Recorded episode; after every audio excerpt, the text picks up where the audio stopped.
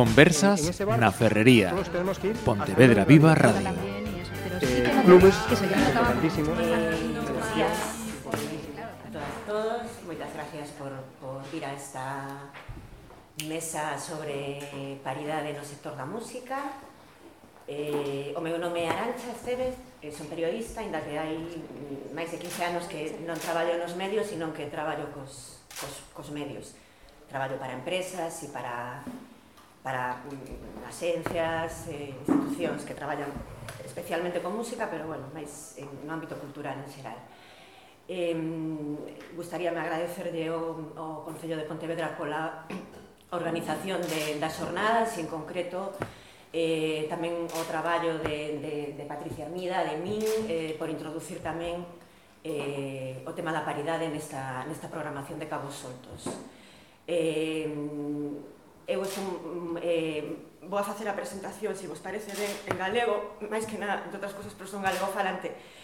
Eh, e logo mm, vamos como, debido á composición da mesa, vamos a intentar comunicarnos na lingua que temos en común, que é o castellano, e escaparáseme algunha vez o galego, se non entendedes algo, por favor, decía Marancha, castellano. Mm, e, e decía que estaba especialmente contenta coa mesa porque realmente temos tres eh, grandes profesionais que representan eh, grandes proxectos, ademais, é dicir, eh, detrás delas teñen eh, trasectoria e proxectos e creo que son eh, millor imposible para falar deste tema realmente, non? Eh, empezando por, vou intentar darvos unhas pequenas pinceladas de, de cada unha delas para, para que as coñezades tamén millor, para que seibades quen, quen son e as cosas tan importantes que fan e, e despois pues, abrimos tema, vale? eh, seguindo a orden que teño a partir de, da esquerda, pois pues, está Almudena Heredero, e Almudena Heredero leva o Primavera Pro, ou a parte de encontro dentro dese festival enorme que é o Primavera Sound. Eh, Almudena ten feito moitísimas cousas, ten coordinado outros festivales mm. como de Jazz de Madrid, a presencia de, de música española no exterior, sí, etcétera, etcétera. Neste momento está, eh, nos interesa moitísimo o seu papel nesta mesa, porque eh, o Primavera este ano anuncia unha revolución uh -huh. neste tema justamente que temos na mesa. Entonces me parece que é apropiadísimo que Almudena hoxe nos conte muitísimo máis desa, desa revolución que acomete o Primavera Sound. Seguindo está, está Susana Laya. Susana Laya é, pois, se non a única, unha das poucas directoras de festivales de música en Galicia, dun festival de grande alcance como é o Atlantic Fest, un espacio maravilloso como é a Illa da Rousa, é unha persona que conoce ademais todos os pasos, digamos, do, do traballo dentro de, dun evento. Como vedes, eh, a pesar de que a paridade no sector da música eh, deberíamos, digamos, de alguma maneira aplicala a todos esos eh, pasos, procesos, eslabóns que hai dentro da cadena, pero como a sempre, eu creo que nos estamos sempre centrando na música en directo porque realmente donde, donde en este momento digamos que está eh, eh a patata quente da música, non? Na, na, no que é a música en directo. Como decía Susana, pues conoce, conoce moi ben como son todos eses procesos e tamén pois, é un deses casos excepcionales pues, unha muller ao frente dun proxecto que, como digo, crece cada ano e neste momento é un dos festivais máis importantes de Galicia e da Península que é o Atlantic Fest. E, eh, por último, eh, Marcela San Martín, que, bueno, pois para todas as profesionais que traballamos no mundo da música é unha grande referencia É unha persona que durante moitísimos anos traballou sobre todo con música en directo en salas e especialmente vinculada pois a, a Sala El Sol. Te acaban de dar un premio en los premios MIN, creo, un premio honorífico. Felicidades.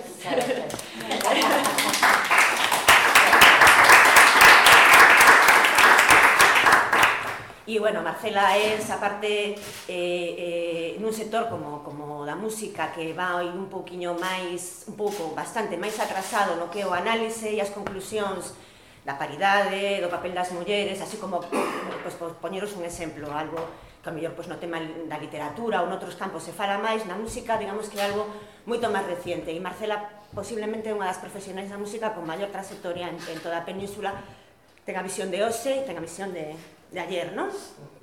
Bueno, para abrir debate e abrir eh, lume xa, eh, pois a idea é un pouco que elas tres nos presenten un pouco, se me permitides esa palabra, abordase ou como se aborda eh, o tema da paridade nos seus respectivos eh, proxectos, nos proxectos que, bueno, que elas representan na súa trayectoria un pouco como se está abordando pois ese, esa, ese debate, esa necesidade, esa idea de, de equilibrar un pouco a balanza eh, eh, do papel das mulleres na música. Entón, a mí me gustaría, creo que é moi interesante, ademais aproveitar que temos eso, tres grandes profesionais con, con, con experiencia e con proxectos de calado, en especialmente, como comentaba no caso da Almudena, nun ano no que o Primavera anuncia mm, grandes cambios e, e cando falamos do Primavera Sound sabemos que falamos dun evento masivo, eh, que las mismas pues nos expliquen un poco y a partir de ahí pues luego seguimos despezando un poco el tema. Entonces, bueno, les doy la palabra. Vale.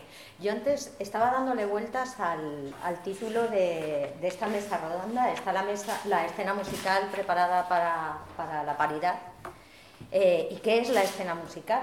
Porque al final la escena musical es como una especie de ente abstracto eh, compuesto de muchos sectores distintos, editoriales, discográficas, el directo, los festivales, los managers, los artistas, eh, pero si escarba son personas. Están las personas que integran la industria de la música preparadas para la paridad. Yo he de decir que sí.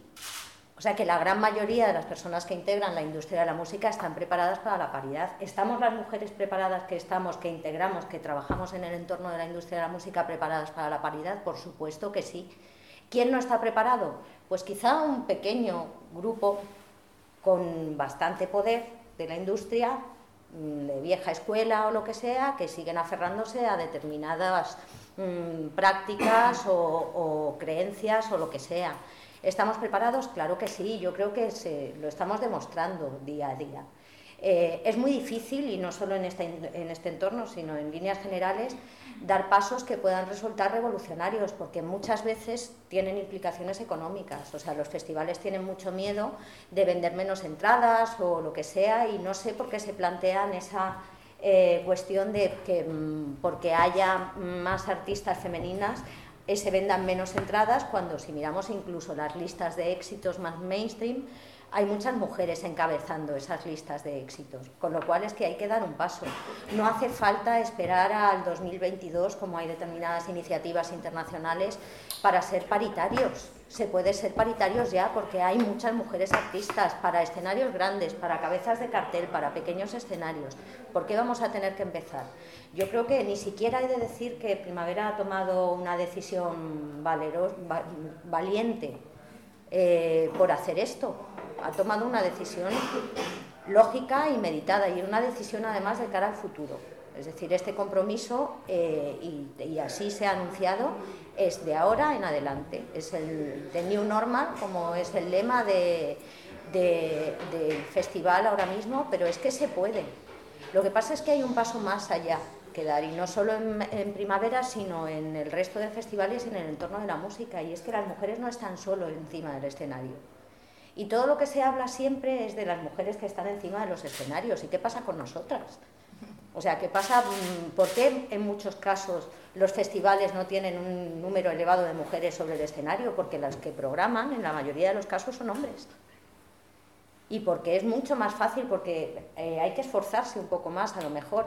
Eh, yo en mi caso personal, por mi experiencia en el ámbito de Primavera Pro, llevamos ya muchos años haciendo este de New Normal. Este año Primavera Pro cumple 10 años. Y como somos mujeres las que gestionamos el Pro, llevamos años esforzándonos para que no nos pusieran la etiqueta esa, no sé si lo conocéis, del All Mail Panel, que es eh, una página web que sale David Hasselhoff haciendo así, cuando hay paneles masculinos, eminentemente. Pues nos hemos estado esforzando siempre por buscar representantes masculinas y femeninas. ¿Lo hemos conseguido? Sí. ¿Se puede hacer? Sí, claro que estamos preparados, claro que se puede hacer. Yo creo que al final es una revolución que, que este, este cartel paritario, y fíjate, a mí me parece más revolución la cuestión estilística que la cuestión de que sean mujeres u hombres los que integren el cartel. Y veremos qué pasa este año, pero, pero podemos, claro que podemos estar encima y detrás, que al final yo creo que también es lo, lo, esencial y por lo que tenemos que pelear los que estamos aquí, las mujeres que estamos en el entorno de la música, por estar detrás, por ocupar puestos directivos en la industria, por estar en las mismas condiciones que los hombres en cuanto a condiciones económicas, etcétera. Y estamos en ello, no, tenemos más que mirar alrededor, que hay muchas grandes. Eh, Almudena, solo eh, una cosa, si nos puedes resumir así un poco para nosotros, ¿en qué consiste ese de New Normal? ¿Qué, es, lo que, qué es lo que propone Primavera? propone la paridad, es, es así de sencillo, es decir, es perfectamente posible ya tener un cartel paritario en un gran festival de música y no solo paritario en cuanto a número, a cifras, sino a representación en cada uno de los escenarios y en los distintos niveles en, programación, es decir, cabezas de cartel femeninas, artistas medias femeninas y artistas emergentes femeninas. Es decir, que es eh, lo que debe ser normal cuando la población es del 50% masculina y femenina. Hay bandas perfectamente mm, capaces de estar mm, dirigidas por una mujer y ser cabezas de cartel, pues como hay este año en el, festival y como ha habido en años anteriores. Pero este año se ha hecho un especial esfuerzo en eh, llegar al 50% o ligeramente por encima del 50% de aquí en adelante, o sea, no solo ahora. Vale, solo una pregunta más. En, ese, en esa declaración, en esa, en esa propuesta, en esa nueva normalidad, eh, habláis de que ha sido ahora y podría haber sido mucho antes y demás. Entiendo que esto es producto también de una reflexión, no sé si del papel de, de las propias mujeres profesionales que, que, profesionales perdona, que estáis dentro del festival, es decir, si hay un momento que se toma una decisión, es decir, podría haber sido en otro momento, pero hay un momento que sí. Yo no estoy en esa toma de decisiones, eh, yo dirijo Primavera Pro y, y llevamos esa dinámica, en el Pro llevamos esa dinámica de trabajo desde hace eh, bastante tiempo, pero es verdad que han pasado muchas cosas, no solo en nuestro entorno, han pasado muchas cosas en la sociedad en los últimos años que yo creo que han puesto a reflexionar al que quería ponerse a reflexionar sobre ello. Y, y en este caso es lo que ha sucedido con el festival, ¿por qué no? ¿Por qué no hacerlo? Está pasando esto y no queremos seguir siendo parte de un sistema mm, patriarcal en, en, términos de artísticos o lo que sea y entonces pues se ha decidido hacerlo así porque se puede y porque además no supone ningún tipo... Hay que entender que Primavera Sound es una empresa privada. O sea, no es un festival que esté financiado con fondos públicos, con lo cual te estás jugando tus propios cuartos. Y nadie se juega sus propios cuartos a la ligera. O sea, es una decisión perfectamente meditada bueno, con las decisiones empresariales obviamente suponen riesgos muchas veces, pero es un riesgo que a lo mejor hay que correr y que además es que tampoco tiene por qué ser un riesgo porque las mujeres, vamos, se nos ocurren a todos 850.000 ejemplos de mujeres que están vendiendo millones de discos. Entonces, ¿por qué no en los festivales? Pues eh, se puede hacer y se puede hacer ya, no dentro de cinco años, ni gradualmente, porque gradualmente se tiene que acostumbrar el público a ver mujeres, no sea que les dé una reacción alérgica o algo, pues se puede hacer ya de, forma así, de hoy para, para ya, de este año para este año, no esperar a 2022. Sí, eh, quería puntualizar una de las cosas que, que hicimos en MIM cuando nos formamos en 2016 de las primeritas acciones que hicimos fue crear un listado de artistas eh, para facilitar a aquellos programadores y programadoras eh, el acceso a estos grupos femeninos o grupos de mujeres solistas eh, para que no pudiesen tener la excusa de decir no hay. no hay, no no, has encontrado, no has buscado, no, no, no, no, te has, no, no has hecho el esfuerzo porque es muy fácil, lo escuchamos constantemente, mm. la frase, es que no hay mujeres, no hay suficientes mujeres de calidad, por favor. Eh, entra en la página web de MIM y verás mm. el listado de, de, artistas, de productoras y además ahora ya estamos metiendo incluso a las profesionales, las que estamos detrás de, del escenario. ¿no? Es, eh, que no haya una excusa, que no haya esa excusa para no, para no, para no introducir a, mujeres en, en, los festivales. ¿no? Se me olvidó antes al presentarte, Marcela, decir que eras cofundadora de, de MIN, que es algo importante porque MIN también de alguna manera ha movido mucho el cotarro y ha, hecho muchas cosas. Es que yo creo que, que, hubo un momento en el cual eh, nos íbamos juntando las mujeres, íbamos hablando de nuestros problemas, íbamos peleando como cualquijotes, eh, solas, eh, ante esta injusticia, ¿no? ante nuestros, nuestras problemáticas. Y de repente vimos que uniéndonos hacíamos mucho más presión, hacíamos mucha más presión y conseguíamos mucho más que, que, yendo sola por la vida. ¿no? Antes de, darle el paso a, Susana para que también nos explique un poco cómo, cómo se aborda en el Atlántico este tema, ¿no? Creo que, todos los proyectos, todos los festivales, de alguna manera en este momento estamos intentando abordar ese tema de alguna manera. ¿no? Eh, comentar que, mm, aprovechando que Marcela acaba de hablar de los primeros pasos de MIN, que, realmente tenemos pocos datos sobre lo que es la, participación de la mujer en la industria y donde, la cosa se ha centrado así, digamos, en estos primeros momentos es lo, que es en la programación artística de los festivales, es decir, ver eh, cuál es la presencia. ¿no? Los datos de, del 2017, que son los últimos que yo tengo apuntados, eh, creo que, que, en una iniciativa de MIN hablaban de un 12% de presencia en general, ¿no? cogiendo pues, pues, bastantes festivales de toda la península.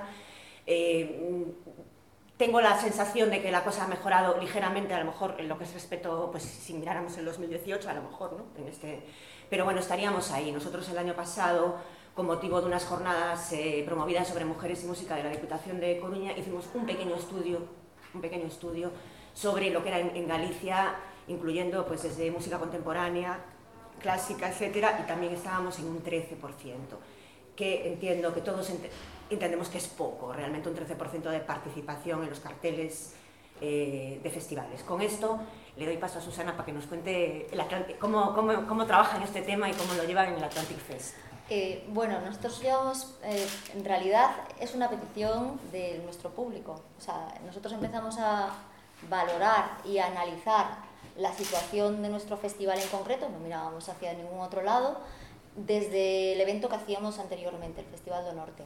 Nosotros recibíamos mensajes en plan, en este cartel, bueno, lo digo mujeres, en este, en este cartel faltan mujeres, nos decían.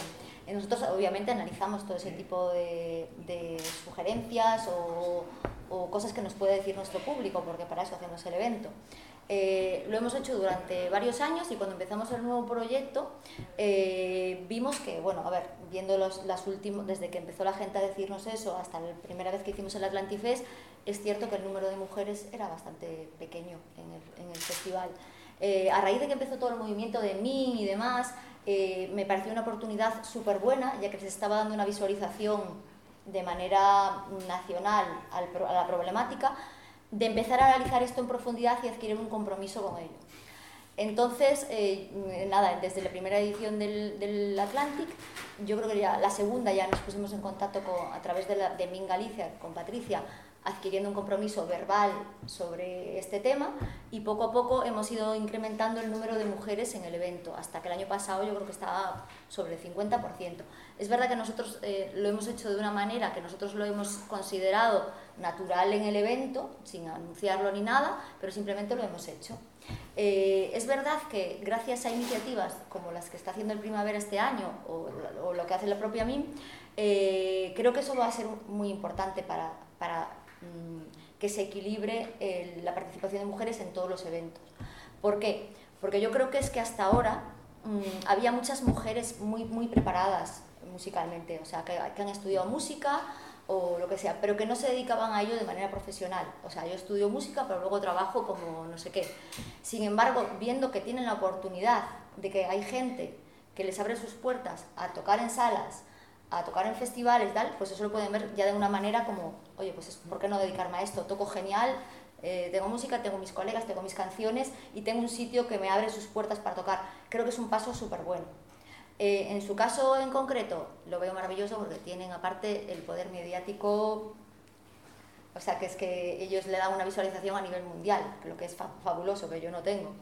Y, luego a mayores, eh, creo que en este último movimiento de mujeres que se está haciendo en los últimos años eh, va a ser muy importante con respecto a anteriores, porque yo creo que este año, esta vez eh, tenemos un aliado muy importante que es el hombre. El hombre está con nosotros en esto. Entonces, eh, si vamos todos juntos, mm, pues me parece un paso muy, muy, muy importante. En mi caso en concreto, el codirector del festival es un chico, y él obviamente está 100% de acuerdo con todo esto, lo ve súper natural también, entonces pues yo creo que estos aliados que decíamos van a hacer además que las mujeres eh, no solamente estén en el área de promoción, marketing, en las empresas y demás, sino que vayan adquiriendo un poco más de peso a la hora de tomar decisiones, a la hora de formar parte de las empresas, porque hasta ahora muchas mujeres tenían que hacerle pensar a los hombres que la idea eran suyas Pero, pero eso es un trabajo de todos, ¿no? Es decir, Sí, de tenemos, todos, que revisar, claro. tenemos que Eh, revisar Hay los muchos pasos que estereotipos. dar, pero yo creo que, ¿no? que- que, mm, los estereotipos, lo que tú dices, como, eh, como decía Almudena ahora, ahora mismo, está mm, la industria preparada o el público preparado para la paridad. O sea, un estereotipo como el mundo de la cocina, que Sí. supuestamente es de mujeres y que sean todos chefs hombres, Eh, eso, es muy, eso es muy sintomático, efectivamente. o el de la moda, Sí. ¿Sabes? O sea, quiero decir, nosotros tenemos No, pero hay que señalarlo, ¿no? Es que además Claro. eh, la foto, la foto de los hombres eh, que están ahí, los chefs, los cocineros, los no sé qué, hay que señalarlo, hay Claro. que- hay que- eh, porque yo creo que también es, o sea, es, es labor de todos y de todas el señalar y, y- y marcar dónde está, dónde está habiendo esa, esa, esa injusticia ¿no? Eh, machista o, vamos, esa injusticia social, ¿no? Y yo creo que, que, que ese es otro tra- tra- trabajo que hacemos desde MIM. No desde la violencia, sino eh, desde, desde, pues, desde el... Bueno, yo no utilizo la violencia, yo digo, eh, me faltan mujeres, ¿no? A ver, yo me he encontrado con equipos buenísimos de mujeres. Cuando he ido a trabajar fuera, eh, los jefes, los directores son- suelen ser hombres, pero sí que es verdad que los equipos de mujeres son muy potentes detrás. Pues esas mujeres tienen que tener ese- esa fuerza real dentro de la industria. Y no solo en esa, me reúno con, mm, por temas de patrocinios y demás con diferentes empresas de diferentes sectores y me encuentro con lo mismo. Muchas mujeres de equipazos de mujeres buenísimas, pero que tienen que consultar con su jefe a ver qué les parece la idea. Bueno, luego en la segunda ronda, que, quería, que seguramente ahondaremos un poco más en, en lo- en las que estamos debajo del escenario, un poco cómo es la situación. Para acabar así este primer momento, Marcela lo comentaba al principio, cómo se abordaba un poco desde la perspectiva de cada una el trabajo, tú que tienes pues, eh, décadas de trabajo detrás y una sala importante, eh, eh, cómo se trabaja ese tema, cómo tú lo vas detectando, que además eh, imagino, yo estoy ah, suponiendo que pues eh, si ahora mm, estamos hablando de esto, los años 80 y 90, supongo que esto era mm, bastante peor en el sentido de que la escena estaba muy, mucho más masculinizada, ¿no? Sí, bueno, es que eh, yo he sido de las pioneras programando, porque no se, daba, no se daba paso, era todo territorio de hombres. Y, bueno, cuando yo empecé a programar, de hecho, eh, cuando, llegaba, cuando llegaban a la sala los músicos, me pedían a mí la cerveza, ¿no?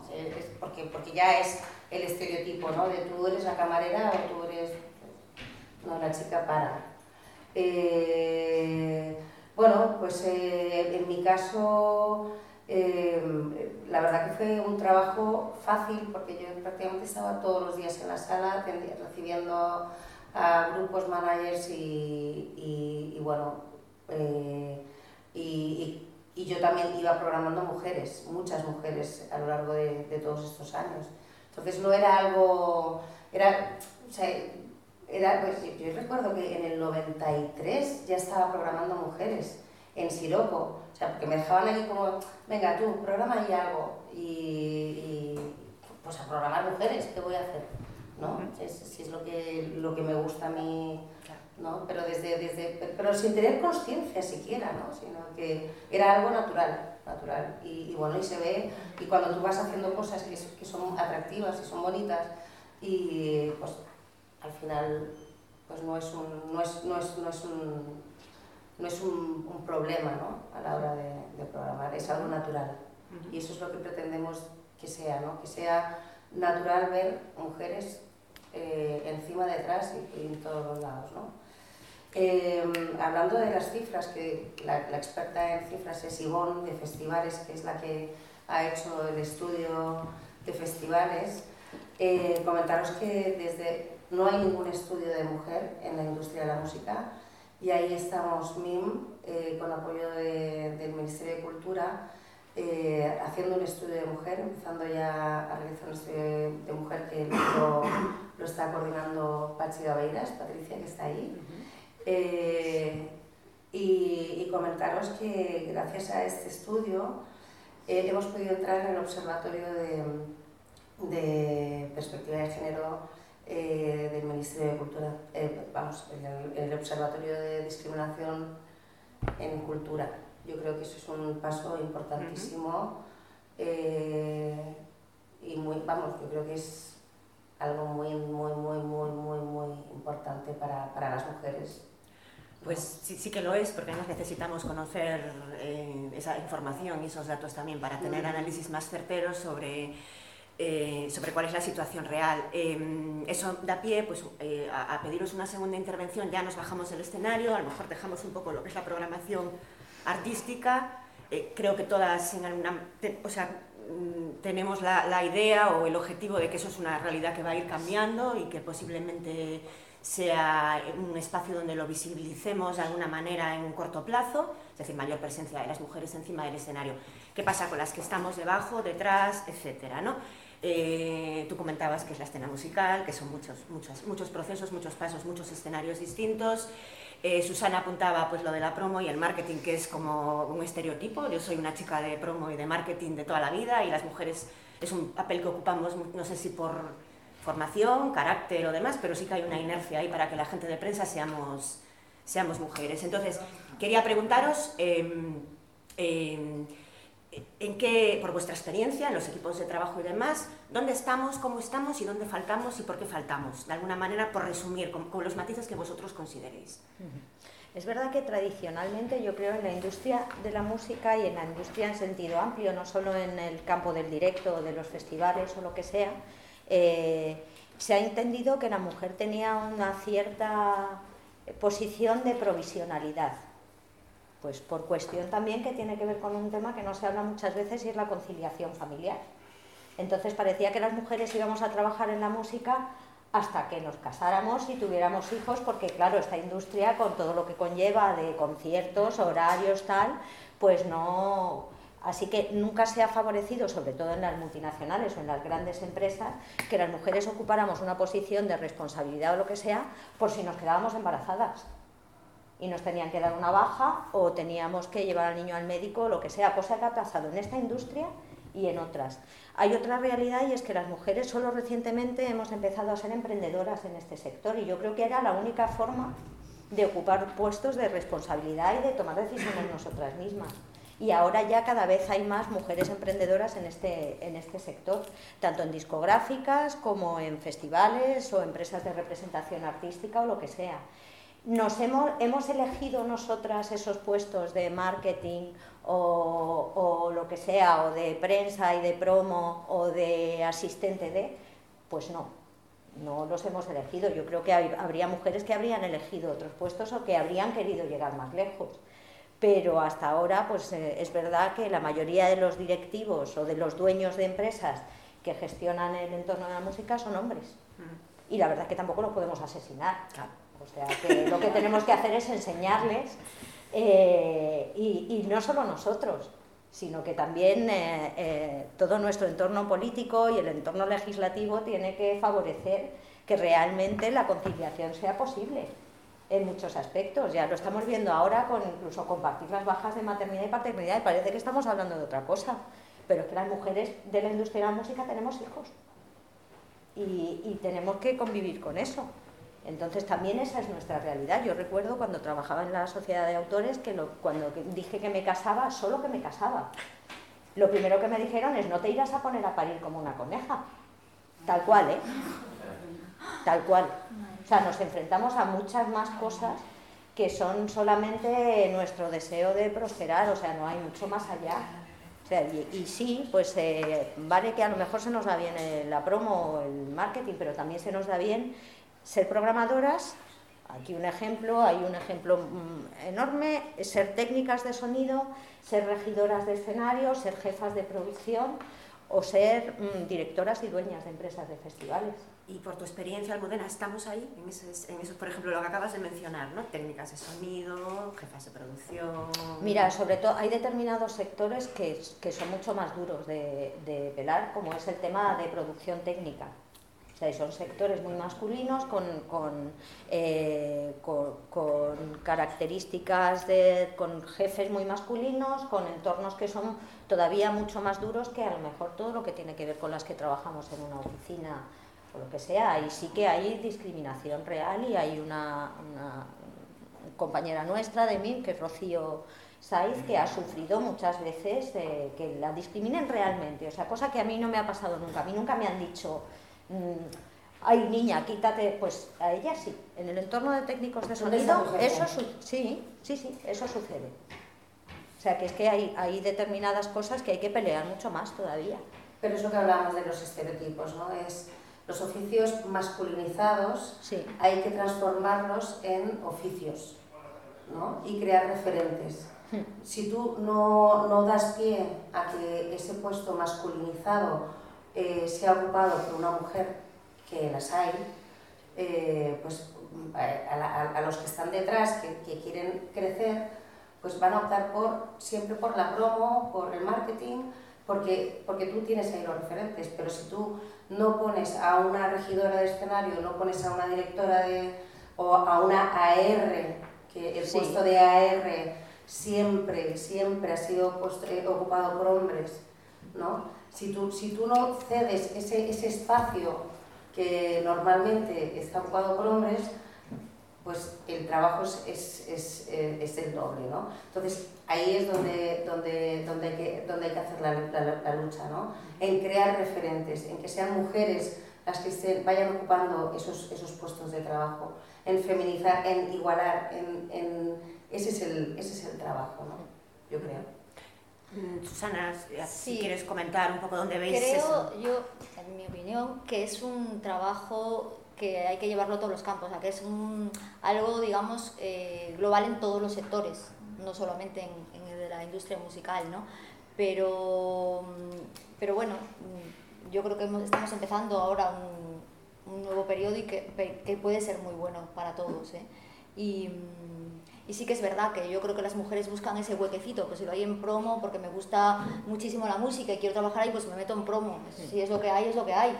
Pero, pero bueno, poco a poco pues vamos teniendo pues nuestra vocecita y demás, pero hay mucho trabajo por hacer. Yo en mi caso particular eh, no digo nada porque siempre me he encontrado con muchísimo respeto tanto personalmente como profesionalmente, nunca he tenido, todo lo contrario. O sea, yo no puedo decir que ni siquiera he escogido llegar a lo que hago, la vida me ha llevado hasta ahí. O sea, ni siquiera yo he dicho, venga, mi meta es eso. No, pues he ido haciendo una cosa, me ha llevado a otra y, y he acabado aquí. Pero sí que es verdad que hay mujeres que se han encontrado con muchos tropiezos y a lo mejor si eso me hubiese pasado a mí ni siquiera estaría aquí ahora mismo. Yo no me lo he encontrado, pero existe, claro, por supuesto. Y yo creo que, que ya no es un trabajo que tengamos que trabajarlo solo en esta industria, sino en todas en todas las industrias y, y en la educación que recibimos y que damos. Eh, Discúlpame, sí, sí, por, voy a por favor. Sí. No, no, o sea, eh, es la discriminación positiva, es decir, eh, con la práctica. A mí me ofrecen un puesto de trabajo para, o sea, hay una vacante y yo siempre doy el teléfono de una chica, de una compañera, de una mujer, aunque el puesto sea para un hombre, o sea, normalmente visto para un, puesto de hombre, yo intento que sea, que sea ocupado por una mujer. ¿no? O sea, que la agenda, esa agenda que tienen los, los, los, los productores, que eh, vayan metiendo, introduciendo en esa agenda que van pasando, eh, que se van pasando, déjame el teléfono de el de esta mujer, el de esta mujer, el de esta compañera, el de esta y, y, y así, se, así es como yo voy funcionando, ¿no? Y, se va cubriendo esas plazas vacantes que estaban ocupadas por hombres por mujeres. Yo es que en mi caso particular ni siquiera discrimino que sea una mujer o un hombre. Yo te voy a recomendar una gran profesional, un profesional, y, y, esta persona lo es, ni hombre ni mujer. En este caso, pues es una mujer, pero yo lo que te estoy diciendo es que esta persona lo va a hacer genial. Y ella recomienda a personas que lo van a hacer genial, en este caso mujeres. Simplemente eso, pero pero que son grandes profesionales, mujeres o hombres. Y yo, yo en este caso sí que no discrimino, en, no hago la discriminación positiva. Es verdad que en, mi equipo de, de, de, trabajo del festival hay muchísimas mujeres, de hecho la jefa de producción es una chica y hay muchas, muchas mujeres, pero sí que es verdad que yo tengo un, hombre delante, que, una, persona una persona delante que profesionalmente cumple con todos los requisitos y lo hace bien y ya está trabajando conmigo y no le dice, pues voy a cambiar por una chica. No, que lo hace bien y lo hace bien. Pero sí es verdad que, que yo recomiendo a un profesional. eh, claro, eh, efectivamente. Eh, eh, Marcelo, quiero decir, está la opción de, pues, eh, de, de, alguna es manera imponerte, claro, imponerte. ella tiene mucho listado claro, ahí. claro, imponerte, pues, intentar, pues, eso, priorizar de alguna Claro. manera, ¿no? A, a Sí. mujeres ante la, la igualdad de circunstancias, a lo mejor profesionales, pues, intentar que entren, que entren mujeres. Eh, quería introducir otro tema, eh, pero quería preguntaros si tenéis algo que comentar o algo que preguntar en este momento, algo que preguntarles a ellas o algún comentario que hacer de lo que estamos hablando Me ahora. interesa mucho el tema de discriminación positiva porque es algo que todo el mundo se echa encima como diciendo, no, que, es, que yo entiendo que dices tú de, no son, o sea, no son mujeres hombres, son profesionales. Sí. Pero es que la única forma de que haya mujeres profesionales es que haya alguna, ¿sabes? Y entonces ese tema, yo te lo agradezco a ti que hagas eso, pero también tenemos que, tenemos que explicar por qué se hace, ¿sabes? Porque mucha gente, la discriminación positiva, o sea, yo tengo discusiones con amigas, con familiares, todos los días me encanta discutir, me, me fascina. Aquí hay gente que conoce que sabe que es verdad, es una cosa que me fascina, pero también lo que digo es lo que estabais hablando antes de los estereotipos. ¿Sabes? Siempre como que se asume que si una chica está ahí, no tiene mucho que ver por lo que vale, sino por otras cuestiones, que es una cosa que me pone muy nerviosa, como, no sé, conozco, yo conozco muchas, muchas amigas que estudian audiovisuales, muchas amigas son técnicas de sonido, que yo que se van a trabajar y siempre tienen un hombre detrás, porque como que no se fían de ellas, ¿sabes? Y es una cosa que me da muchísima rabia y que yo no sé si vosotros habéis visto, en plan como que tu tutorización de... ¿Sabes? En mi caso particular, a mí no me gustaría nada, nada que me contratasen solo porque soy una mujer. O sea, Ya, es que, es que en realidad. No, todo lo contrario, todo lo contrario, todo lo contrario. Sí, sí, sí. eh, me gustaría que me contrataran porque Marcela le pasa mi contacto porque piensa que yo lo voy a hacer bien, que es lo que yo me refería antes. ¿Sabes? Claro, es que al final el que te dan la oportunidad, es como que... Tú Ya. notas la... Pero no puedes ponerte en los pies del que está enfrente. Quiero decir que, que tergiversar la información o, o determinadas medidas o lo que sea es inevitable porque es como esto de los terraplanistas. Eso lo escuché en una, me- en una mesa redonda Sí, el otro día sí, que sí, lo dijo la representante de una asociación y me pareció un, un ejemplo. Hay gente a la que nunca, en ningún caso, ni con, con la realidad y con los datos o lo que sea, les vas a convencer de determinadas cuestiones. Con lo cual, eh, vale, sí que hay, que hay que tomarse en serio cómo se hace la discriminación positiva, para que se haga adecuadamente y para que no sea una medida que se vuelva en nuestra contra. Pero hoy por hoy es necesario vigilar que las mujeres tengan acceso. ¿Cómo se hace eso? A veces empujando. A veces empujando. Pero lógicamente, además, es que no hay nadie más mm, maestra que nosotras en ser mariperfectas. O sea, no permitirnos nunca mm, eh, ni fallar ni nada de nada. O sea, yo estoy segura de que nadie recomendaría de ninguna de nosotras, recomendaría a alguien solo por ser una mujer. no, No. claro. ¿Qué Es que, pasa? Que Pero es que es el mensaje que llega. Claro, hecho, pero es que ese mensaje, ahora mismo además, y, y- y ca- ese mensaje cada día es peor. Ya. O sea, ya mm, hoy el mensaje es que las que estamos aquí sentadas somos feminazis y vivimos de las subvenciones y además eh, muchas otras cosas muy terroríficas y no vamos a convencer de otra cosa. Ojalá no fuera necesaria la, des- la discriminación positiva. Yo creo que al final nuestro objetivo es que eso no sea necesario. Claro, pero eso, eso precisamente creo que eh, pues hay que, hay que partirse aí pico pala Claro. seguir comunicando. Que se Efectivamente. entende Que isto é unha situación transitoria, porque o objetivo é outro, pero é necesario. E, e, e ao mellor, pues, facendo eses pequenos esforzos de estrategia e pasamos de chamarlle discriminación positiva e chamamos acción positiva, porque Hmm. igual, non sei, igual sabes, más suavecito.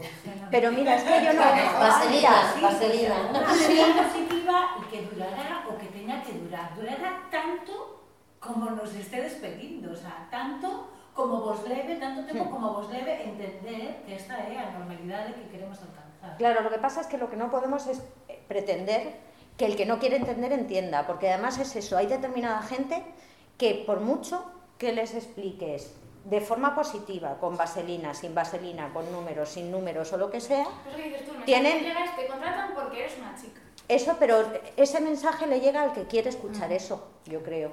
Y afortunadamente yo creo que tampoco es la mayoría de la gente.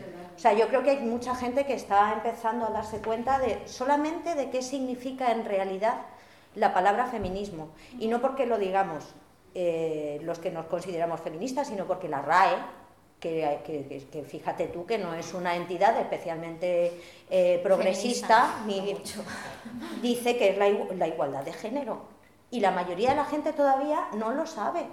No, y el que además contra ello dicen, no, es mentira. Claro, pero no, fíjate, hay mucha gente que no lo sabía y que ahora se están dando cuenta de eso, pero luego hay un determinado sector que va a estar en contra, hagamos lo que hagamos, lo hagamos como lo hagamos y que además le va a parecer una cosa horrorosa y que nos estamos quitándole el puesto a los hombres, que les corresponde por su por bondad divina o lo que sea, y da igual como lo digamos. O sea, es como lo de los... Sí, vamos, Patricia, querían decir algo. Uy. Es que para mí es muy sencillo. En el mundo laboral de la industria de la música hay está ocupada por una parte pequeña de hombres excelentes, una parte muy grande de hombres mediocres y otra parte mucho más pequeña de mujeres excelentes. La discriminación positiva lo que va a hacer será quitar a los mediocres y poner a más mujeres excelentes. Unas pocas mediocres, sí, pero bueno, tengamos un poco de equilibrio entre mediocridad y excelencia, porque ahora mismo solo hay, o sea, solo las mejores llegan a donde quieren en la industria, bueno, en todas partes, y, no hay resto, no hay oportunidad para las demás. En cambio, mm, cualquier hombre tiene oportunidad de llegar donde quiera, sea excelente o sea medio Lo que veo es que muchos, muchos hombres, como tú dices, excelentes, se han sabido rodear muy bien, muy bien de mujeres ah, muy excelentes y les dan muchas oportunidades y saben, saben crear muy buen equipo, pero no dejan de llegar a solamente hasta aquí. claro, es que el cubo está lleno de mierda. No, no, es que los que salen en la foto, sí. los que salen en la foto son ellos, los excelentes, pero los que están haciendo el curro, sí, sí, mm, eso es sí. somos las que estamos detrás, ¿sabes? ¿Alguna cosita más por ahí? Sí, lo de, lo de las medidas de discriminación positiva. Aquí tiene un trabajo fundamental las administraciones públicas. Mm. O sea, las administraciones públicas tienen la palanca de transformación, de mm. hacer el cambio, porque se ha visto con la ley del tabaco, se ha visto con medidas medioambientales, se ha visto con...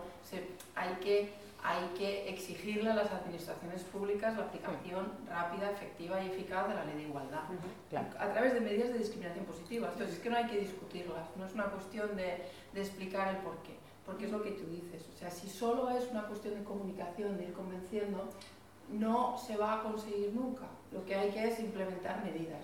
¿Por qué discriminación positiva? Porque si tú tienes un establecimiento público, un sector que depende de las administraciones públicas, que hay una falta de paridad absoluta, de un 80-20, tú por mucho que vayas metiendo pues en criterios de adjudicación que se valorará y fomentará y puntuará positivamente el, el, cumplimiento o el establecimiento de medidas de igualdad y que solo es un criterio de adjudicación, de esa forma vas a tardar 50 años en conseguir la paridad. Entonces, si tú directamente dices, yo en este concurso público voy a contratar X mujeres, ¿por qué? Porque si lo hago de una manera orgánica, tranquila, solo con criterios de adjudicación, no voy a conseguir nunca esa paridad, pues entonces tengo que contratar mujeres.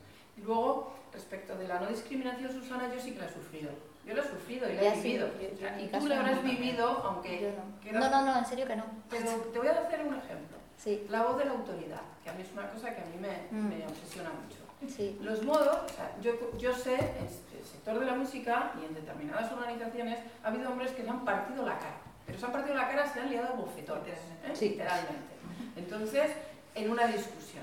Nosotras, Ivonne y yo, que Ivonne tiene mucha tendencia a dar, a, zurrar, o sea, Ivonne y yo nos zurramos en una reunión y salimos en prensa. Sí, es verdad. ¿En serio? esos son modos y son maneras que se le permiten a un hombre. Una mujer formada y una mujer que manda como yo he mandado, cuando dices determinadas cosas de determinada manera, eres una mujer agresiva. Y lo único que estás Bueno, a mí, me, a mí me, me cualifican como borde. ¿Ves? ya está. Mira, ¿ves cómo la has identificado? Soy borde, pero, soy borde, pero... en el momento en que tú dices determinadas cosas usando la palabra y argumentos de debate, entonces eres una mujer agresiva. Entonces, eso es una discriminación. Porque las, yo, yo, la voz de la autoridad, de la voz de la autoridad y las La voz de la autoridad Sí, sí. no es eres la femenina. Y eso sí, Sí. la voz de la autoridad está vinculada al hombre. Con lo cual genera animadversión, determinadas formas, determinadas Sí, sí, maneras de hablar. La de Ivonne Sí, puede generar mucho. animadversión, cuando lo mismo que dice Ivonne lo dice un hombre y es súper gracioso. Bueno, a mí lo que me hace gracia es Entonces, cuando hablo decir, a un chico. identifiquemos, o sea- identifiquemos las- la discriminación, porque la discriminación es no dejar Sí. que se utilicen las mismas maneras que se utilizan los hombres. Yo no es que las quiera, es que utilizo otras, es que incluso las mías pueden parecer agresivas. O incluso lo que dice, lo que dice, lo que está, lo que está diciendo Ivonne, oye, es que tenemos el derecho a ser iguales en la mediocridad, Sí. no iguales Sí, en la sí, sí, excelencia. sí. Y eso es lo que no se da, y hay que hacerlo mediante medidas de discriminación positiva. Eh, yo en mi, en mi caso me parece curioso cuando, cuando dices eso, eh, cuando yo le digo algo a alguien que trabaja, eh, que, que, pues, es hombre o mujer, pues, en este caso pues hombre, eh, y se va, no, pobre, es que qué borde eres, oye, perdona, o sea, perdona, o sea, les he hablado con claridad, ¿sabes? Y soy una borde. no- Teníamos no una borde. palabra pedida por ahí atrás, ¿verdad? Sí, Sí, antes comentabais la importancia de tener referentes y mm, voy a comentar un, un ejemplo muy, muy concreto que le escuché a una compañera de en un proyecto europeo, eh, una chica que estaba gestionando una- un gran espacio cultural en Dinamarca. Eh, ella se planteó tenían seis técnicos de luces, porque tienen varios escenarios, ¿vale? Eran todos hombres. Buscó la fórmula de que eso cambiase con el tiempo buscó una financiación para ofrecer un curso de técnico de luces, buscó la fórmula de que el 50% de las personas inscritas fuesen mujeres y nos contaba que al cabo de cuatro años, tres técnicos de luces eran hombres y tres mujeres. Porque se les dio la oportunidad. Porque Claro, se claro. contratar a mujeres. Pues es la única manera, tiene que ser Claro. directo. El objeto del contrato tiene que ser, tiene que estar dentro del objeto del contrato que sea una mujer. Para poder equilibrar y mantener. que- esa formación no, no la estaban asumiendo como una profesión propia las mujeres. Estamos hablando de Dinamarca, que también... son- No, Sí, mira, no, en el sol, en el sol cuando hacemos prácticas, bueno, cuando hacíamos, yo ya no trabajo en el sol, eh, pero en las prácticas eh, lo, lo realizaban mujeres. En la mesa de sonido, en la mesa de luces, producción y programación incluso. Pero eran siempre mujeres. Elegíamos a mujeres para que hiciesen las prácticas en las salas sol. Eh, De todas maneras, yo quero insistir coa comunicación, porque a mí a linguaxe sí que me parece importante. Entonces, usar discriminación tamén é manipular. Porque non se pode discriminar a quen xa está discriminada. Entendes? Entonces, quen crea según que conceptos? A mí, a mí personalmente por de formación profesional porque eu son xornalista as palabras sí que me importan. De feito as eh, discusións máis gordas eh, sobre feminismo que eu recordo son sobre linguaxe inclusiva. Hai xa moito tempo cando non estaba comúnmente admitido e aceptado como hoxe non? Entonces, para mí as palabras sí que importan. E xa non por suavizar sino por realmente darlle a cada cousa a medida que ten. Isto non é discriminación. Non, sabes, non, non, é, non se corresponde sí, co, coa realidade. Non se pode discriminar a alguén que xa está super discriminado. E, e a veces usan, eh, digamos, o heteropatriarcado, usa determinadas palabras sí. para manipular e confundir cousas que lles claro. interesa levar por, por donde uh -huh. non nos va a Sí, sí, no hemos mencionado los medios porque a veces parece como echar balones fuera.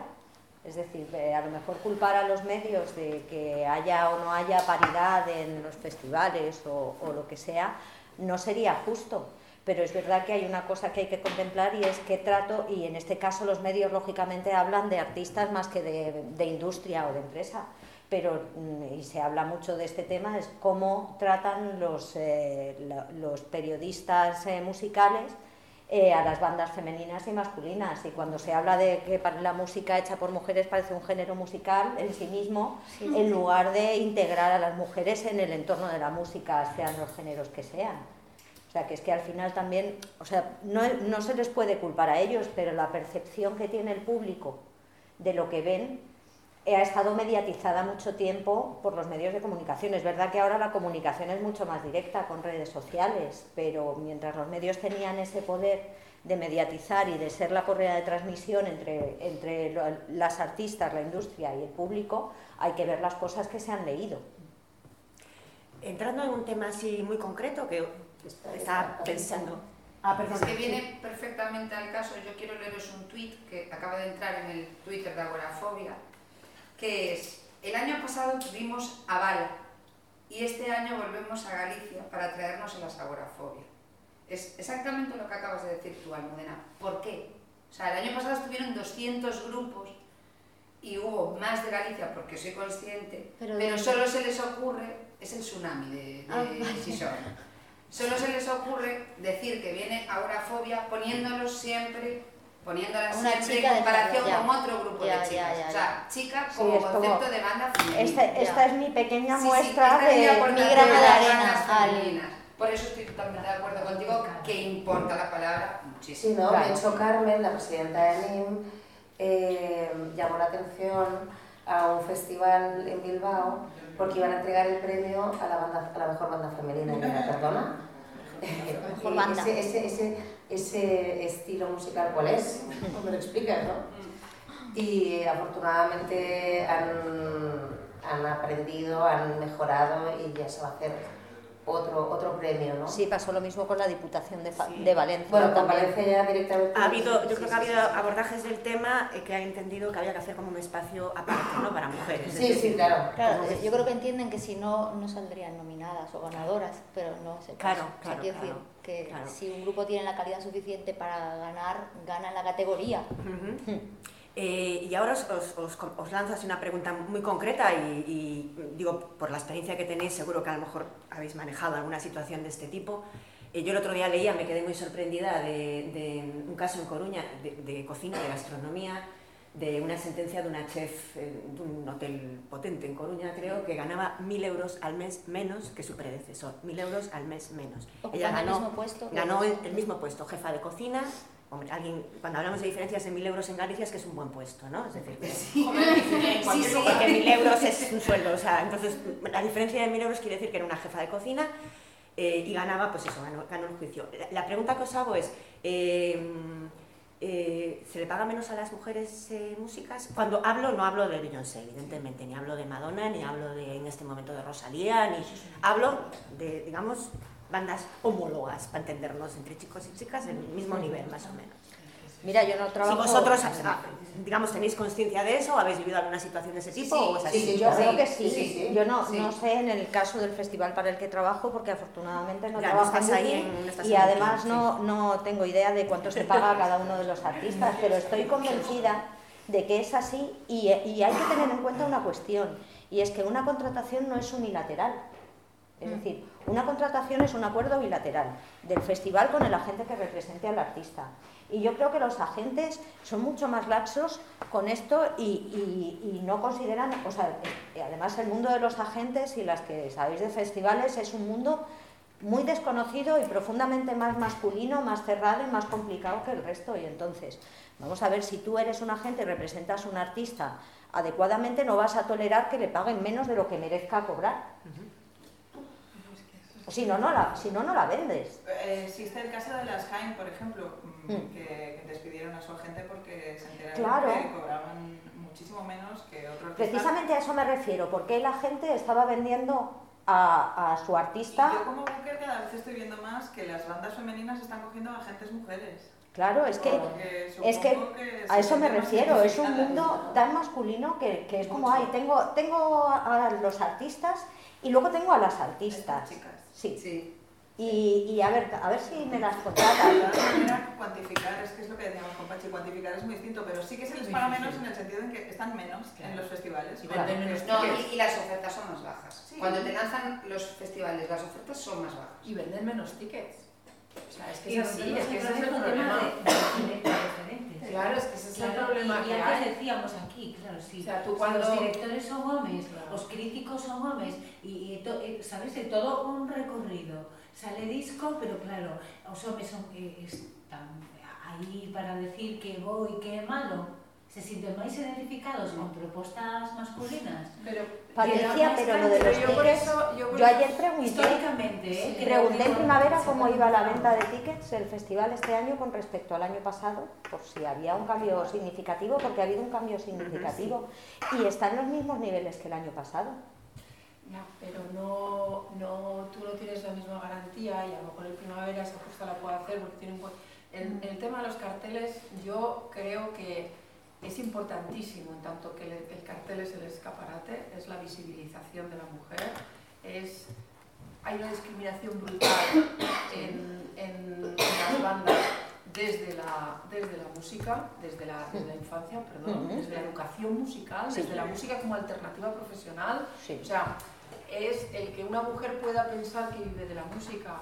Es una ciencia ficción. Sí, eso y eso hace todas. que no lleguen a haber tantas bandas femeninas como masculinas. Entonces, y eso es así, y además venimos de una tradición donde también la visibilización de las bandas masculinas como las grandes bandas y determinados sectores, además no tanto en el latino como en, como en otras, como en otros, en otros eh, eh, formas de música, eh, el, el que tú tengas determinadas bandas te puede garantizar más vender unos tickets que es necesario porque necesitas mantener una economía muy potente y unos Sí. costes muy potentes. Entonces, eh, el que, el- es una realidad incontestable que hay menos bandas femeninas. Sí. Es una realidad incontestable que las bandas femeninas tienen cachés más bajos.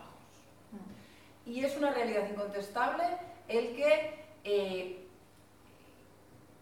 si una si un festival pues coge muchas bandas y al- ya no te quedan bandas a otros festivales para hacer la misma paridad que ha hecho el Primavera, Almudena.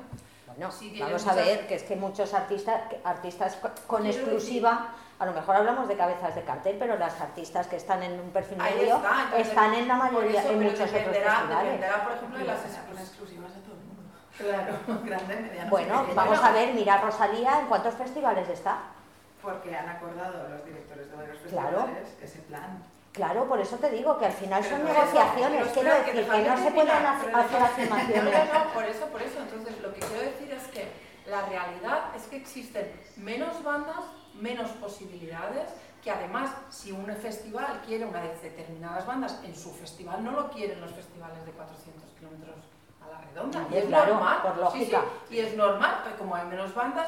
Entonces, eh, el, el tema de las bandas en los escenarios es importantísimo, hay que trabajar, Hmm. pero no debe de ser No, el único mensaje del tema Claro. de la discriminación. Porque lo- el, el- el profundo, el que da puestos de trabajos a miles de personas, sí, es el de, el de producción, el de dirección, el de empresarial. sí, Yo creo que es, entonces, eh, no, no identifiquemos siempre la situación de la mujer con la situación de las bandas. Bueno, siendo la, iceberg, ¿no? siendo la banda la, puerta- la punta del iceberg. Pero sin embargo, en, en los conservatorios y estudiando música, el número de mujeres es superior que el de Sí. hombres. Con lo cual, el que se abran las puertas de los grandes festivales, en el caso Primavera, que es el que más nos puede dar visibilidad a los demás, porque obviamente en, en el país no van a estar hablando de lo que hacen las No, grandes no, es un ejemplo, sino la- van a hablar de lo que el Primavera da ejemplo haciendo Claro. estación, ¿no? Eh, puede hacer que muchas mujeres digan, ostras, pues que me puedo dedicar a esto, porque puedo tocar en un Claro. festival, tengo un sitio donde tocar. O que otros festivales le inviten porque no tengan miedo por ver cómo Entonces, eso quiere decir que eso es hay educación, mujer- hay eso mujer- empie- se empieza por la educación en los Sí, colegios. hay mujeres preparadas, tienen sitios donde tocar, mm, a ver a dónde llega esto, pero yo creo que, es, que está bien. No, no, sí está súper bien, pero lo que quiero decir es que eh, pues hemos empezado diciendo, ¿se paga más o menos? No se paga menos. sí. Pero de todas formas, eh, decíais una cuestión Mira, aquí en los en cuanto a no sé decirte, pero nosotros, en los en salarios, nuestro, en nuestro caso, En los a salarios. nosotros- los salarios, sí. Eh, Vamos, en ahí. nuestro caso, a nosotros, nosotros eh, llamamos a un grupo y nos decimos, oye, que te voy a dar 400 euros. Nosotros llamamos y decimos, oye, ¿cuánto cobráis? Ahí Claro, está, a por nosotros eso nos dicen, pues cobramos tanto. Por eso es muy difícil saber, o sea, yo estoy más con Quiero lo que decir que yo no pago menos de que porque- son los propios agentes los Claro. que de alguna manera no Exacto. tienen la valentía o De de, decir- pedir, sí, pero desde la contratación es muy difícil. Claro, o sea, yo no voy a decir, "Oye, que te pago más, venga, pídeme más. Claro. O sea, a mí me dicen, pues si cobro tanto, pues, pues te pago tanto. Tenemos otra palabra pedida ahí. Yo quería simplemente aportar algo y lanzar una, una cuestión. Al hilo esto estamos hablando de, de estadísticas, de número de mujeres, de número de grupos. En el local de Pontevedra trabajamos este tipo de cosas y tenemos este tipo de datos. Y lo que sí notamos es que eh, cuanto más eh, el estilo es más extremo, hablamos de metal, de, de partes de rock, menos mujeres hay porque es un hombre ya pues, es, es algo muy masculinizado.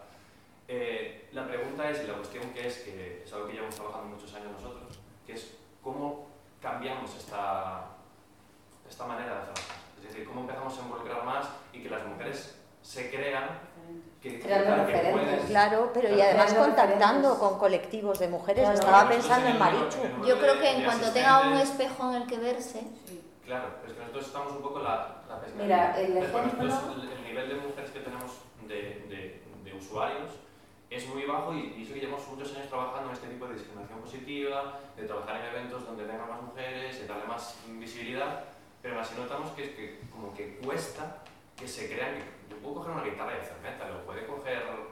¿sabes? También, por ejemplo, yo como mi caso, que yo soy músico, bueno, amateur, pero soy músico, es que tú desde tu casa, la información que, o sea, tienes tus propios padres diciéndote, Claro. tú no puedes hacer eso. Claro, claro. Padre bueno, para divertirte sí, ¿eh? Solo Claro, o para sea, yo para que divertirte. padre me comprara una guitarra, yo tuve que estar pico bala, por una guitarra dos años o así, dos años. Sí. Para una guitarra, o sea, que no es tanto, ¿sabes? O sea, es como, no, no quieres otra cosa, ¿sabes? Pues mira, por ejemplo, en, en Fuenlabrada se realizó el Empower. Eh, el Empower acabó con un festival, pero empezó con el año escolar y eh, se realizaron actividades en los institutos y en los colegios, trabajando con los chavales y con las chavalas, enseñando música realizada por, mujeres, eh, llevaron a técnicas, llevaron a, managers, llevaron a directoras de, festivales, bueno, pues creando referentes mujeres y enseñando música de todos los, de, de- de todos los estilos realizada por mujeres. Eh, se creó también un, un proyecto incubadora que es crear bandas en las escuelas de música, de, era, era público porque era eh, realizado por el Ayuntamiento de Fuenlabrada, eh, donde crearon bandas donde el 55% tenían que ser eh, por componentes de, de, eh, mujeres o niñas, ¿no? Eh, y crear una banda y, y, y empezar a aprender a tocar, ¿no? Y, y que se viesen ellas también reflejadas y que, y que al final del curso tú pudieses, tuvieses la opción de grabar una, una, una maqueta y que esa maqueta sonase en la radio, o sea, eso es un regalo, o sea, eso es una forma de, de incentivar y de motivar a- a- a la gente, ¿no? Eh, nosotras, de hecho, en MIM, presentamos un proyecto aquí en Coruña, ¿no? Eh, que bueno, que a, que a lo mejor lo llevamos a cabo, ¿no? Ah, sí, lo vamos a llevar a cabo, que es... Primicia, ¿eh? ¿Y qué no se puede decir? ¿Qué no Sí, se sí, puede- que a hacer, Ah, sí, claro, o sea, yo puedo que- decirlo, ¿no? Vale, pues, ¿eh? Pues eh, vamos a traer el Empower a Coruña. Eh, bueno, no es Empower, sino que es, es esa idea y querer, querer trasladarlo a, a- a muchas ciudades, ¿no? Eh, el educar, llevar, llevar a mujeres a los colegios, a los, a los institutos y que al final el proyecto de fin de curso pues sea una maqueta o que toquen en una sala de conciertos para que vean lo que es tocar en una sala de conciertos, ¿no? Sí, Pero con niñas y con... Yo creo que hay... oh, perdón. perdón. Tengo un dato positivo, que no sé si luego es tan positivo al final, que es que, el- eh, por ejemplo, en nuestro caso, no sé en el vuestro, mm, eh, el, el porcentaje de compradores de entradas del Atlantic eh, son más mujeres que hombres. También es verdad que no sé si compran para un grupo de hombres o mujeres, yo- no compran una, generalmente pues compran más de una.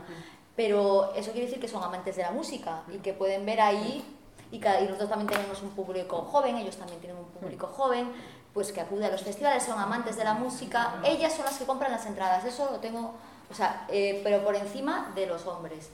Eh, luego digo, igual no es tan real porque puede que No, compren son las que- ocho, son son las que que se encargan de que comprar. organizamos. Claro, son las que se encargan de comprar y luego a lo mejor Somos las que no- organizamos. Exacto, no son para, para, para mujeres, pero por lo menos, pues mira, el dato está ahí. Un segundillo, un segundo. Sí. Esta, que está esta chica antes que pregunta. Sí, yo solo iba a añadir una cosa. En estos programas formativos y lo que sea que están muy guays, yo he hecho falta una cosa. Y es lo que estaba diciendo ella y lo que nos ha pasado a todas. Los padres. Totalmente. Los padres. O sea, yo recuerdo cuando yo le dije a mi padre, papá, que yo estu- estaba estudiando Derecho, me pasé a Criminología y empecé a trabajar en una discográfica y tal, y mira, me quiero, yo quiero trabajar. Bueno, o sea, mm, esto fue la hecatombe. Claro, mi padre tiene ochenta y tantos años ahora, pero por lo que veo, los padres siguen entendiendo el entorno, el sector de la música, no como una profesional, no como una, un entorno profesional serio. Para tal, yo creo que peligroso. Sí, sí, sí, Bueno, yo creo que eh, eh, para mis padres que yo me quedase en casa eh, y no fuese a la playa o hiciese tal, eh, me decían, no, es que está con el ordenador. O sea, yo estaba, pues, estaba trabajando, pero como estaba ahí en mi casa, porque yo siempre he sido freelance, empecé con un fanzine y demás, no estaba trabajando para ellos. O sea, no, Sí, iba a llegar a ningún tipo de profesionalidad. Y luego, como encima, cuando decidí hacer un grado de estudios ingleses, que era como literatura y tal, esta se va a morir de hambre. O sea, ¿dónde va con Sí. este tipo de, profes- de trabajos y de opciones en la vida? Yo creo que necesitas un poco apoyo y no tener miedo a fracasar. Yo creo que al final el intentarlo, el intentarlo es lo que te va a llevar a algo. Eh, bueno, Pero ahí estás tú para educar a tus padres. Claro. Bueno, Sí, bueno, yo ya- Bueno, lo que pasa es que a veces educar a los padres no es tan fácil. ¿eh? No, Ya, no, ya. no, eh. Vamos a dar otra palabra. A mí no se me educa así de fácilmente. Eh, quería comentar una cosa que es una cosa que me causa un poco de conflicto. Yo, bueno, estoy en un conservatorio, estoy acabando la carrera y hablamos mucho de bandas femeninas, bandas masculinas. A mí, igual que habéis dicho, que me ha parecido genial lo de que hay que dejar de llamar a los oficios masculinizados y convertirlos en oficios, también considero que hay que dejarle de poner apellidos a las bandas. No son bandas femeninas, no son bandas masculinas, son bandas. Bandas. Y porque además eso crea mucho la imagen de banda femenina y lo que te imaginas es una chica cantando, en plan Joan Jett. Pero es que muchas veces las chicas no tienen por qué estar cantando, o sea, ya no estamos en la escena del jazz de los años 40 en las que la chica va de chica florero. No, hay chicas en las baterías, hay chicas en las guitarras, hay chicas tocando el saxofón detrás en la banda de vientos. Y es una cosa que el rollo este de bandas femeninas, bandas masculinas, pues pierde completamente la visibilidad de las mujeres instrumentistas de las bandas. Claro, que puede sí. estar cantando un chico, pero puede haber mujeres tocando. Si en realidad nos podemos analizar que es una banda femenina, está bastante complicado, porque incluso las mujeres que crean sus propias bandas escogen a hombres para que se vayan con ellas de gira. Entonces, en es la una banda mayoría de los Es una grupos. banda con una chica Son bandas mixtas. que- Son bandas mixtas. Nosotros lo llamamos bandas mixtas. Sí.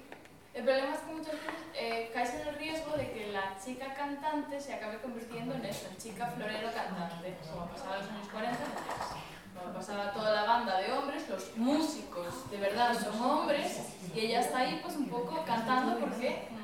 Sí, pero tampoco podemos demonizar a las cantantes. No, Quiero no, no, decir que no. tiene que haber la libertad de que la mujer pueda decidir en qué posición ocupa. Al final vamos a, a ver, a- seguimos en la percepción externa de lo que hacemos las mujeres, que podemos ser cantantes, eh, mm, bateristas, técnicos de sonido o tocar el ceremín. Qué bonito. Eh, nosotros en el listado de mujeres artistas, eh, en el momento en que hay un, un componente femenino en la banda, ya es mixta. Toque lo que toque, cante o no cante, ya es mixta. Ya es mixta. Bueno, vamos, estamos ahí en reta final, entonces vamos a, a- a lanzar un último tema, a recapitular un poco lo que estamos hablando. Eh, si me permitís, eh, a mí sí que me gustaría eh, eh, recoger dos ideas que lanzó Patricia, dos ideas muy interesantes. Eh, una es la importancia que tiene la acción de la institución, de la, institución pública, es em, creo que fundamental. Eh, nosotras el año pasado, también con la colaboración de MIN en Coruña y gracias al apoyo de la Diputación de Coruña, que está muy sensibilizada, eh, también estaba Marián implicada, estábamos bueno, intentando crear un espacio o crear una serie de, de pautas a las que pudiéramos recomendar a las, a las- a las instituciones para su manera de, para su acción cultural respecto a este tema. ¿no? Pues, eh, se pueden hacer muchísimas cosas y en Galicia especialmente donde los proyectos reciben mucho dinero de, de las instituciones. ¿no? Entonces, pues desde que, pues que desde las comisiones y los jurados sean ya empezando paritarios, hasta que bueno que tengan un poco más de cuenta a la hora de ver mm, a qué, qué eventos se apoyan y tal, pues un poco tanto en organización interna como en programación que cumplan pues eh, unos mínimos. Eh, administrativamente tiene sus, sus complejidades y sus problemas, porque en un concurso alguna cosa que se puede entender, que podemos entender como una medida de discriminación positiva, pues a lo mejor un interventor la puede entender como que estás coartando el, el tipo de, de procedimiento, ¿no? En todo caso, sí se pueden hacer muchas cosas y sí, y sí tiene que ser ejemplar en ese sentido, porque las transformaciones vienen de ese tipo de medidas, no, no van a venir. Por, por digamos, eh, una inercia o una dinámica social X que hará que las cosas que se puedan hacer en mucho menos tiempo tarden muchísimo más. Eh, por otra parte, una idea que creo que apuntaste, creo, creo que la entendí, que es em, un poco también la masculinización en determinados sectores. A ver si me, si me explico, esto es una teoría, una teoría también que, que la, la, llevo escuchado en otros foros y demás, si, si, de alguna manera a la hora de programar, por ejemplo, pensando en programación, la diversidad de géneros, de ámbitos, de países, de puntos geográficos nos ayudaría también a llegar a, a, a mayor igualdad, ¿no? Me refiero, eh, bueno, los festivales han diversifica, diversificado mucho los puntos geográficos a los que miran, eh, los, eh, el tipo de estilos y demás, ¿no? Pasamos más de festivales por rock o indie y demás a festivales muchísimo más abiertos, ¿no? Esa apertura nos ayuda a encontrar también más creadoras o... Ya sé que las creadoras están, eso, eso que nos quedó claro desde el principio, no es que no haya mujeres, pero sí es verdad que si estamos con el mazo dando, por ejemplo, en el metal o en el indie o no sé qué, pues a lo mejor si vamos a, a, al patrón fijo de contratar a los mismos siempre, a las mismas cabezas de cartel y demás, y a lo mejor pues esa diversidad nos ayudaría más a, a, a la paridad, ¿no? Sin duda, sin duda. Lo que pasa es que también hemos vivido una crisis muy, muy importante. Y con la crisis, los festivales que hicieron, no arriesgar. Claro. Entonces, llamar a Pepito, Fulanito y Menganito, punto. Y era lo que se repetía, se, se ha repetido porque era, eh, era dinero fijo y seguro y, y sin riesgo.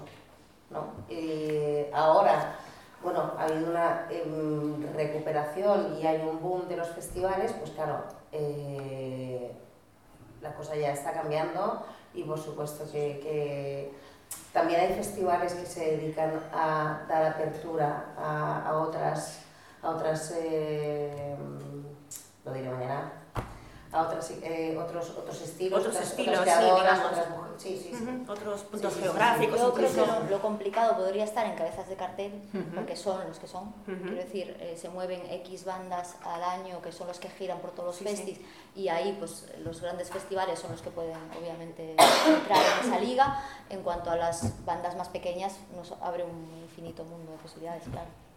Y en cuanto a lo que dices de institucional y demás, eh, creo que es el momento, el momento de hacerlo, de intentar forzar a, a que eso pase, porque lo que ha pasado ahora en marzo, que nos han dado visibilidad desde todas las partes de, bueno, teníamos al mundo alucinando con lo que estaba pasando en España. Bueno, pues hay que que la institución o que la legislación sea un reflejo de lo que está pasando en la sociedad. Estamos pidiendo cosas. Es el momento.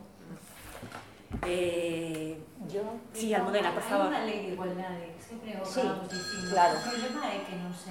Ah, Que no se cumple. aplica. No se cumple.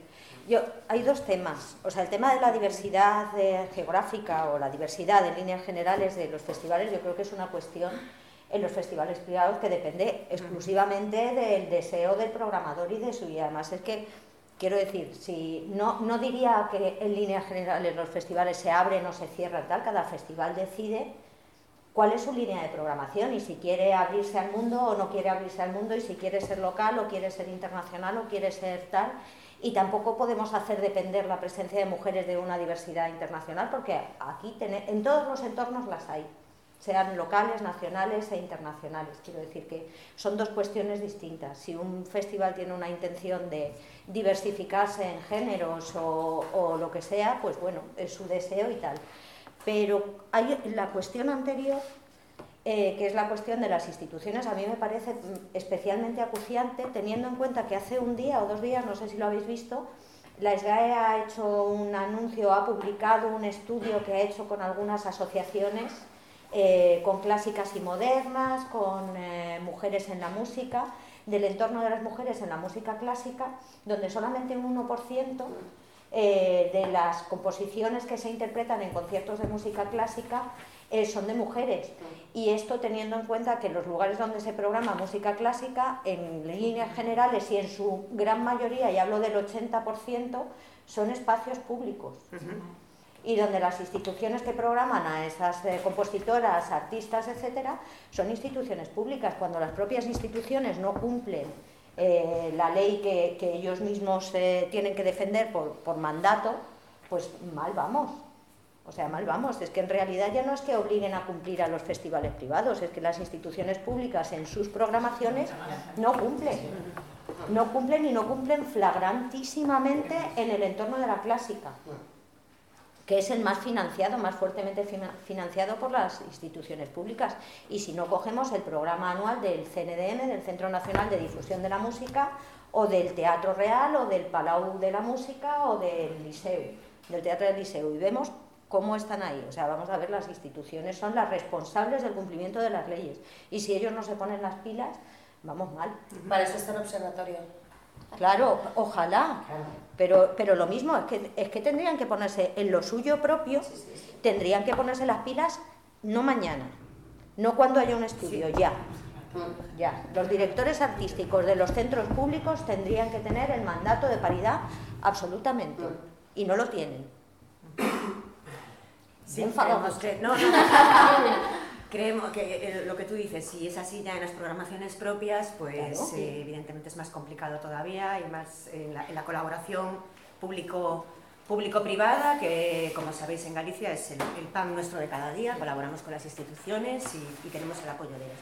Hai un problema tamén que de base que, que a nivel eh, estudos de composición e de dirección, por exemplo, en Coruña, que hai as dúas, non hai ninguna muller nin en composición nin en dirección, nin a houbo nunca, nin creo que vai a haber en probablemente 5 10 anos. Porque non... Te refieres a alumnas ou a, a profesores? Entón, ti non tes alumnas de composición, non tes compositoras, non tes compositoras que estén creando obras agora mesmo, eh, pero xa non te falo de Coruña, falo de Coruña, falo do Oviedo, en Valencia tampouco hai ninguna muller en composición, en Madrid, faloche das, dos conservatorios que eu coñezo de primeira man, non hai mulleres estudando composición, polo tanto non van sair mulleres uh -huh. compoñendo, igual que se non hai mulleres estudando dirección, non van sair mulleres uh -huh. dirixindo. Uh -huh. Entón, Pero e por que crees que non hai mulleres estudiando composición? Porque está o... moi masculinizado e porque... porque Por iso, porque por realmente porque está el de techo. no, vas a ser directora, techo, pero sí. unha muller directora, ui, unha muller directora... Mmm... Claro, si sabes que no te van a programar tus obras en ningún espacio, ¿para qué claro, vas a también. perder tiempo en, y esfuerzo? Y... Mm. Eu traballo con un ensemble de música contemporánea, Vertice Sonora, en Vigo, que fan un esforzo enorme por sacar para... un esforzo enorme, perdón, esto es machista. Eh, en, están, digamos, programando eh, un montón de compositoras novas, en música en contemporánea, claro. Eh, en de todo o mundo, en, en de todo o mundo, sí, sí, de moitos sitios. Porque claro, se tú vas a programar música clásica, na época de Beethoven, pois estaba Beethoven, estaba Clara Schumann, pero claro. o resto das mulleres estaban limpando na súa casa. Claro. Esperas, pero non podes pedir que haxa mulleres da época de Beethoven sí. compoñendo como Beethoven. O que te iba a... componía unha mujer sí, sí. lo firmaba un hombre para que pudieran Eh, o que te iba a decir é que tamén responde a un proceso de reflexión e a unha axuda e un apoio, por exemplo, neste caso, na Unidade de Igualdade da Universidade de Vigo, que de alguna maneira tamén encamiñou as cousas por aí. Decir, sempre hai unha reflexión previa. Decir, non sale porque tal, de repente, pois si sí, hai unha, hai unha decisión de traballar con, con, con mulleres compositoras. Eh, para terminar con eso que decías de, mm, de, de que non había, non había alumnas compositoras, non había alumnas en dirección e tal. Eh, detecto, así como última intervención, tamén detecto certo peligro en que no tengamos en cuenta lo que es la segregación vertical. Y lo digo desde un ejemplo muy claro, es decir, eh, hay un momento, es un momento muy interesante, un momento de muchos cambios, en el que también, bueno, todas y todos nos queremos apuntar a ese cambio y todas queremos estar haciéndolo lo mejor posible, etcétera, etcétera, en el que recontamos, por ejemplo, en un proyecto somos un 50% mujeres, un 50% o hay un 60%, pero qué hacen las mujeres en el proyecto. Si nos ponemos a analizar, mmm, eh, lo digo por bueno, en proyectos incluso en los que conozco porque trabajo y demás, eh, sí hay un 50% de, de mujeres eh, pues, en las barras, o hay un 50%, es decir, hay mucha, eh, es decir, el director eh, va a ser un chico, el programador va a ser un chico, el jefe de producción a lo mejor va a ser un chico, el jefe de producción técnica también va a ser un chico, Y es decir, si contamos números, sí, salimos iguales, pero es que esto no es una cuestión solo de números, ¿no? es una cuestión de tal. Yo creo que eso también es como una especie de peligro, no que nos escudemos en, en no, no, pero aquí trabajan eh, muchas mujeres, tal, pero ¿en qué trabajamos? ¿no? Entonces, iremos también, hay que tener en cuenta eso, ¿no? donde ese, esa, ese techo, ¿no? esa diferencia no solo estamos en menos sitios, sino en los sitios en los que estamos, pues posiblemente con menos eh, capacidad de decisión. Eh, no sé si nuestras eh, ponentes quieren hacer algún tipo de recapitulación, intervención final.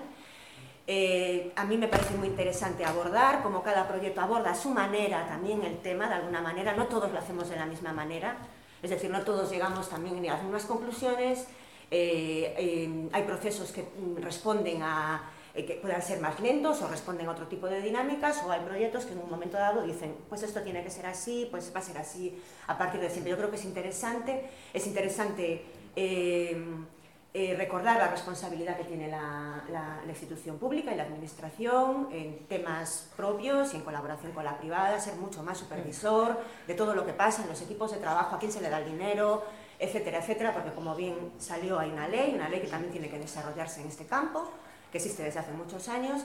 Eh, creo que, que, lo más positivo es que estamos viviendo un momento muy interesante, muy de cambios, en el que estamos muy implicadas y creo que la conclusión más clara es que para las que las cosas también vayan cambiando, las mujeres necesitamos estar en determinados lugares y espacios para poder cambiar la situación. Eh, una última palabra si queréis y si no una última el, intervención. El, cambiar, pero ya no solo en tu, a, a, a aplicarlo al ámbito profesional, sino a tu ámbito personal. O sea, exigir respeto. O sea, cuando estás hablando con alguien, yo escucho cada comentario súper machista, pero como si fuera algo súper natural, normal. Y entonces, donde hay que decir, eh, si lo empezamos a aplicar, yo creo, desde ahí, lo aplicaremos en todo. Pero yo escucho las críticas más duras hacia mujeres, se las he escuchado a mujeres muchas veces. Que, que, no, el ver a una chica en minifalda... Es... Es muy fuerte, o sea, las propias mujeres, ¿eh? Número uno, sororidad, o sea... O sea, pero cosas súper... ¿vale? Y, y como decía Marcela, y está observatorio, entonces también eh, hay que estar ahí, pendientes, y estigmatización. Porque es, pero es que una cosa. Está visto que funcionamos así. Siempre se nos echa, siempre se dice lo de que las más machistas son las mujeres. No, no. Machistas somos todos. Son, sí, sí, somos la sociedad en general, la sociedad. Te das cuenta en el momento de que pero comentarios que son eh, cogidos como normales no son normales muchas veces, son machistas. ¿Alguien más quiere intervenir? Eh, ¿Todas bien? ¿Todo no, bien? Lado, ¿Os queda algo por decir? ¿Os vais? Parece la de en el jurado. Nosotros hablamos y luego miramos hacia ahí, a ver, a ver si... Bueno, ¿os vais con alguna cosa adentro que quisierais decir y no dijisteis? No, ¿Todo bien? Genial. ¿Todo bien? Gracias por invitarnos eh, a vosotros, a la organización y al Ayuntamiento de la Pontevedra. Sí. Pues gracias y yo solo espero que nos vayamos también con un mensaje positivo, ¿no? que, que, que las cosas están cambiando y que las podemos cambiar. Eh, gracias a vosotros por estar aquí, es verdad, por invitarnos, a ellas por ser... Aparte, os digo que son muy representativas, es una mesa 10, porque son tres proyectos distintos, tres grandes profesionales que trabajan desde hace muchos años y, y que aparte con, que tienen, que ya veis que hay contenido y hay mucho de qué hablar. Sí, ¿vale? señor, bravo.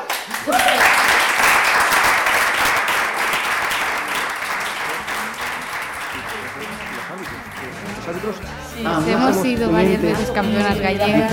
Y me gustó mucho porque estamos. O sea, el esfuerzo tiene que ser Conversas na Ferrería. Pontevedra Viva Radio.